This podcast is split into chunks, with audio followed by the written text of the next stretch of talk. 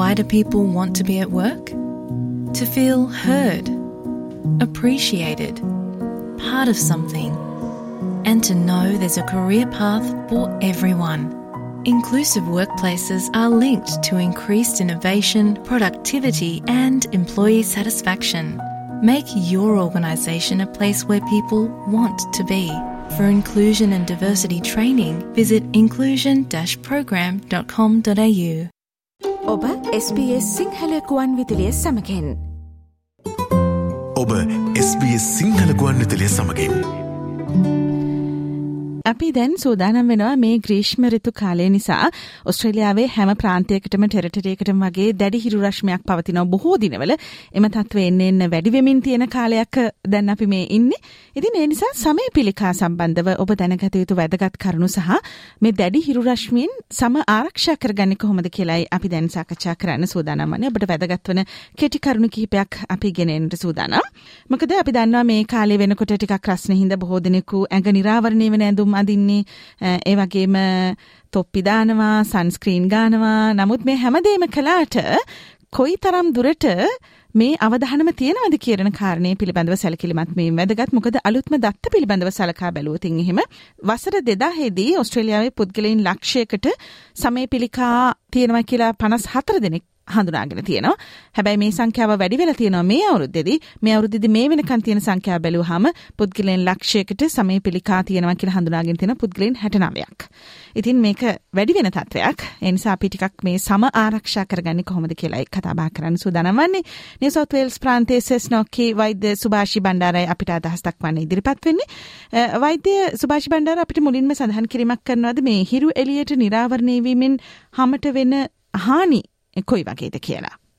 විශේෂයෙන්ම මේ සමකාලයේදී ඉරාව්වට නිරාවරණය වීමෙන් ඒ අවස්ථාවේම සන්බර්න්ස් ඇති වෙන්න පුළුවන් නැත්නම් හීට් රෑෂ් ඇති වෙන්න පුළුවන් ඊට අමතරව කාලයක් තිස්සේ නිතර නිතර තද ඉරාව්වට නිරාවරණය වීම නිසා පසු කාලීනව ස්කින් කැන්සර්ස් එහෙම නැත්නම් හමේ පිළිකා ඇතිවීමේ තත්ත්ව තියෙනවා ඔස්ට්‍රේලියාවේ විශේෂයෙන් මේ සමේ පිළිකාවල් වැඩිපුර තියෙනවා වෙනත් රටවල් වලට වඩා.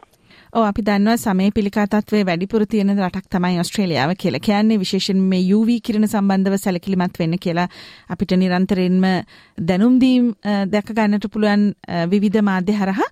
දැන් වෛද්‍ය සුභාෂී දැන් මේ වගේ කාලයකදී ඇත්තටම අපි මොකද කරන්න ඕනේ? මේ සමය ආරක්ෂා කිරීම පිළිබඳව කතා බහ කරද්දී. කොහොමද අපි සම ආරක්ෂා කරගන්න ඕනේ? විශේෂයෙන් ග්‍රීස්ම කාලයේදී ඉරේලියට නිරාවරණය වන සෑම අවස්ථාවකම සම ආරක්ෂා කිරීමට අපි පියවර ගත යුතුයි. ඒ සඳහා ඔස්ට්‍රේලියානු කියමනක් තියෙනවා. Slip slop slap sleek and slide. ඒ කියන්නේ ශරීරය සම්පූර්ණයෙන් ආවරණය වන ආකාරයේ ඇඳුම් ඇඳ ගැනීම අද්දිග ෂර්ට් දිග කලිසම් වගේ සම්පූර්ණයෙන් ආවරණය වෙන ඇඳුමක් ඇඳීම. මුහුණ ඉරේලියෙන් හොඳින් ආවරණය වන ආකාරයේ තොප්පියක් පැළඳ ගැනීම අඩුම තරමින් මිනිත්තු 20කටවත් පෙර සිට සන්ස්ක්‍රීන් එකක් සම්පූර්ණයෙන් ඉරේලිය එළියට ආවරණය වන ශරීර කොටස්වල තැවරීම සහ ඉරේලියේ වැඩි වේලාවක් ගත කරනවා නම් සෑම පෑ දෙකකට වරක්වත් නැවත නැවත සන්ස්ක්‍රීන් ඇඟ ගල්වා ගැනීම. හැකි සෑම විටම හෙවනේ සිටීම සහ හොඳින් ඇස් වටා ආවරණය වන සන්ග්ලාස් එකක් පැළඳීම කියන මේ කරුණු වලින් අපිට ඉරේලිය නිසා හැමට සහ ඇස්වලට වන හානිය අවම කරගන්න පුළුවන්. ඊට අමතරව ඔබ ඉරේලියට නිරාවරණය වන සෑම විටම UV ඉන්ඩෙක්ස් එක තුනට වැඩි නම් ඒ හැම මොහොතකම තදින්ම මේ ඉරේලියෙන් ආරක්ෂා වීමේ ක්‍රියාපිළිවෙත් අනුගමනය කිරීම සාමාන්‍යයෙන් ඔස්ට්‍රේලියාවේ සම කාලයේදී මේ UV ඉන්ඩෙක්ස් එක අනිවාර්යෙන් 3කට වඩා වැඩි. ඕ දැන් අපි හිතමුකෝ ඉරේලියට අපේ සම නිරාවරණය වෙලා සමට යම් හානියක් වෙලා තියෙනවා කියලා. ඒක කොහොමද අපි දැනගන්නේ දැන් මොන වගේ ලක්ෂණ හරහාද අපිට දැනගන්න පුළුවන් හිරු එළියට අපේ හැම දැඩි ලෙසින් නිරාවරණය වෙලා එහෙනම් දැන් සමට හානි වෙන්න පටන් අරන් කියලා. මොනවද ඒ ලක්ෂණ? ඉරේලියට නිරාවරණයෙන් විච්ච වෙලාවක අපිට මුල්ම ඇතිවන තත්ත්වය තමයි සන්බර්න් කියන එක නැත්තම් හිරු පිලිස්සීම. ඒ වගේ වෙලාවට හම රතු වීම, හමේ උණුසුම වැඩිවීම, සමහර විට දිය බුබුලක් වැනි තුවාලයක් මතුවීම, වඩාත් දරුණු ලෙස හම පිලිස්සුණු වෙලාවට තුවාල වීම වගේ දේවල් දකින්න පුළුවන්. සමහර අවස්ථාවලදී හීට් රෑෂ් එකක්. ඒ කියන්නේ රතු පාට බිබිලි හැමේ ඇති වෙන්න පුළුවන්. විශේෂයෙන් හැම ඉර එළියට නිරාවරණය වෙච්ච හැමේ ප්‍රදේශවල සහ දැඩි රස්නේ ඉර එළියට නිරාවරණය නොවුනත් ඇඳුම් වලින් ආවරණය වෙලා තිබුණත් හැම තුල රස්නය ගතිය වැඩිවීම නිසා හීට් රෑෂ් කියන තත්ත්වය ඇති වෙන්න පුළුවන්. ඊට අමතරව නිතර නිතර හෝ දීර්ඝ කාලීනව හිරු එළියට නිරාවරණය වීමෙන් හමේ පිළිකා ඇති වෙන්න පුළුවන්. හමේ පිළිකාවක් සමහර විට හමේ කැලලක් මත පිළිකාව ඇති වෙන්න පුළුවන්. මීට පෙර පැවතුණු සමේ ලපයක් පසුකාලීනව පිළිකාවක් බවට පත් වෙන්න පුළුවන්. එහෙම නැත්නම් හැම මත පැල්ලමක් නැත්නම් ගෙඩියක් අතට අහුවෙන ඒ වගේ ආකාරවලින් හමේ පිළිකා ඇතිවෙන්න පුළුවන්. සමේ පිළිකා තත්ත්වයක් මීට පෙර පැවති හමේ ලපයක් හෝ පැල්ලමක් කෙටි කාලයක් තුලදී ඉක්මනින් වෙනස් වෙනවනම් සමහර විට වර්ණය වෙනස් වීම නැත්තම් ප්‍රමාණයෙන් විශාල වීම මීට පෙර අතට අහු නොවුණු පැල්ලමක් දැන් අතට අහු වෙන මට්ටමින් නම් එසේත් නැත්තම් මේ පැල්ලමේ උස වැඩිවීම. එහෙම නැත්නම් මේ පැල්ලම අවටින් කසන ගතියක් වැඩිවීම වේදනාවක් ඇතිවීම හෝ රුධිර වහනයක් වීම සමේ පිළිකා ලක්ෂණයක් විය හැකි. මේ වගේ අවස්ථාවක් වුණොත් හැකි ඉක්මනින් තමුන්ගේ පවුලේ වෛද්‍යවරයා හමුවීම.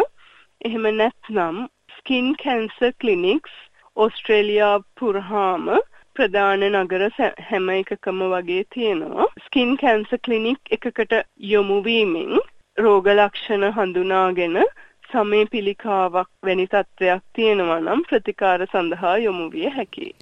ඔ ඇත්තටම ඔබ සඳහන් කරපු ආකාරයට මේ ස්කින් කැන්සර් සමේ පිළිකා තත්ත්වයේ පිළිබඳව වන වාර්තා අපිට මේ මෙඩිකියා වාර්තා හරහා හොයා ගන්න පුළුවන්.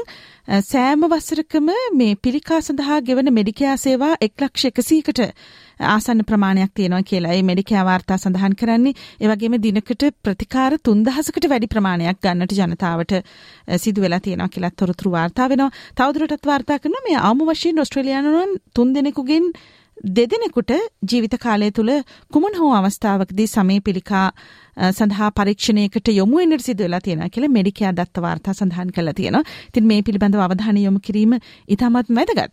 වෛද්‍ය සුභාෂි අපිට කෙටියෙන් සඳහන් කිරීමක් කරන්න පුළුවන් මේ සමේ පිළිකා වර්ග මොනවද කියලා. සමේ පිළිකා වර්ග ප්‍රධාන පිළිකා වර්ග තුනක් තියෙනවා. Basal cell cancer, squamous cell cancer සහ මෙලනෝමා කියන ප්‍රධාන වර්ග තුන. මේ වර්ග තුන එකිනෙකට වෙනස් ලක්ෂණ සහ වෙනස් එකිනෙකට වෙනස් මෙම පිළිකා. එහිදී සමහර විට වෛද්‍යවරයා මේ පැල්ලමේ ලක්ෂණ අනුව මෙය සමේ පිළිකා තත්ත්වයක් හෝ සැක සහිත තත්ත්වයක් බවට නිරීක්ෂණය කරයි. සමහර විට ඔබව ඩර්මැටොස්කෝප් එම නැත්නම් හැම පරීක්ෂා කරන විශේෂ උපකරණයකින් පරීක්ෂා කරයි. එම නැත්නම් එම කොටස් කපා ඉවත් කිරීමෙන් පරීක්ෂණයට ලක් කරන්න පුළුවන්. මේ දේවල් තමයි සාමාන්‍යයෙන් ස්කින් කැන්සර් එකක් අඳුරා ගැනීමට කරන්නේ. ඔබගේ හැමේ කිසියම් සැකසහිත ලපයක් හෝ පැල්ලමක් තියෙනවා නම් එම නැත්නම් මීට පෙර සමේ පිළිකාවක් ඇති වෙලා තිබුණොත් එම නැත්නම් පවුලේ ළඟම ඥාතියෙක් සමේ පිළිකා තත්ත්ව තියෙනවා නම් ඔබට සමේ පිළිකාවක් ඇතිවීමේ අවදානම වඩා වැඩි. එහෙම අවස්ථාවලදී අඩුම තරමින් අවුරුද්දකට වරක්වත් සම වෛද්‍යවරයෙකු ලවා පරීක්ෂා කර ගැනීමෙන් අපිට හැමේ පිළිකාවක් කල්ැතුව හඳුනා ගැනීමට පුළුවන් මුල් අවස්ථාවල හඳුනාගත්තොත් සමේ පිළිකාවක් සම්පූර්ණයෙන්ම සුව කරන්න පුළුවන්. හොඳයි අද අපේ අවධානය යොමුනේ මේ දැඩි හිරු රස්මයක් පවතින කාලසීමාවකදී හිරු එලියට සම නිරාවරණය වීම හේතුවෙන් සමට ඇතිවේ හැකි හානි සහ පිළිකා අවධානම පිළිබඳවයි මේ තොරතුරු කියන්න අපිත් එක්ක සම්බන්ධ වුණු නිව් සවුත් වේල්ස් ප්‍රාන්තයේ වෛද්‍ය සුභාෂී බණ්ඩාර අපි ඔබට බෙහෙවින්ම ස්තුතිවන්ත වෙනවා. ඔබේ ප්‍රජාවේ සිදුවන දෑ සහ ඔබේ සංවාද සඳහා දැන් SBS සිංහල වැඩසටහන ඔබ වෙනුවෙන්ම. ලයි කරන්න ෂයා කරන්න අදහස් ප්‍රකාශ කරන්න SBS සිංහල ෆස්බුක් පිටුව ෆලෝ කරන්න.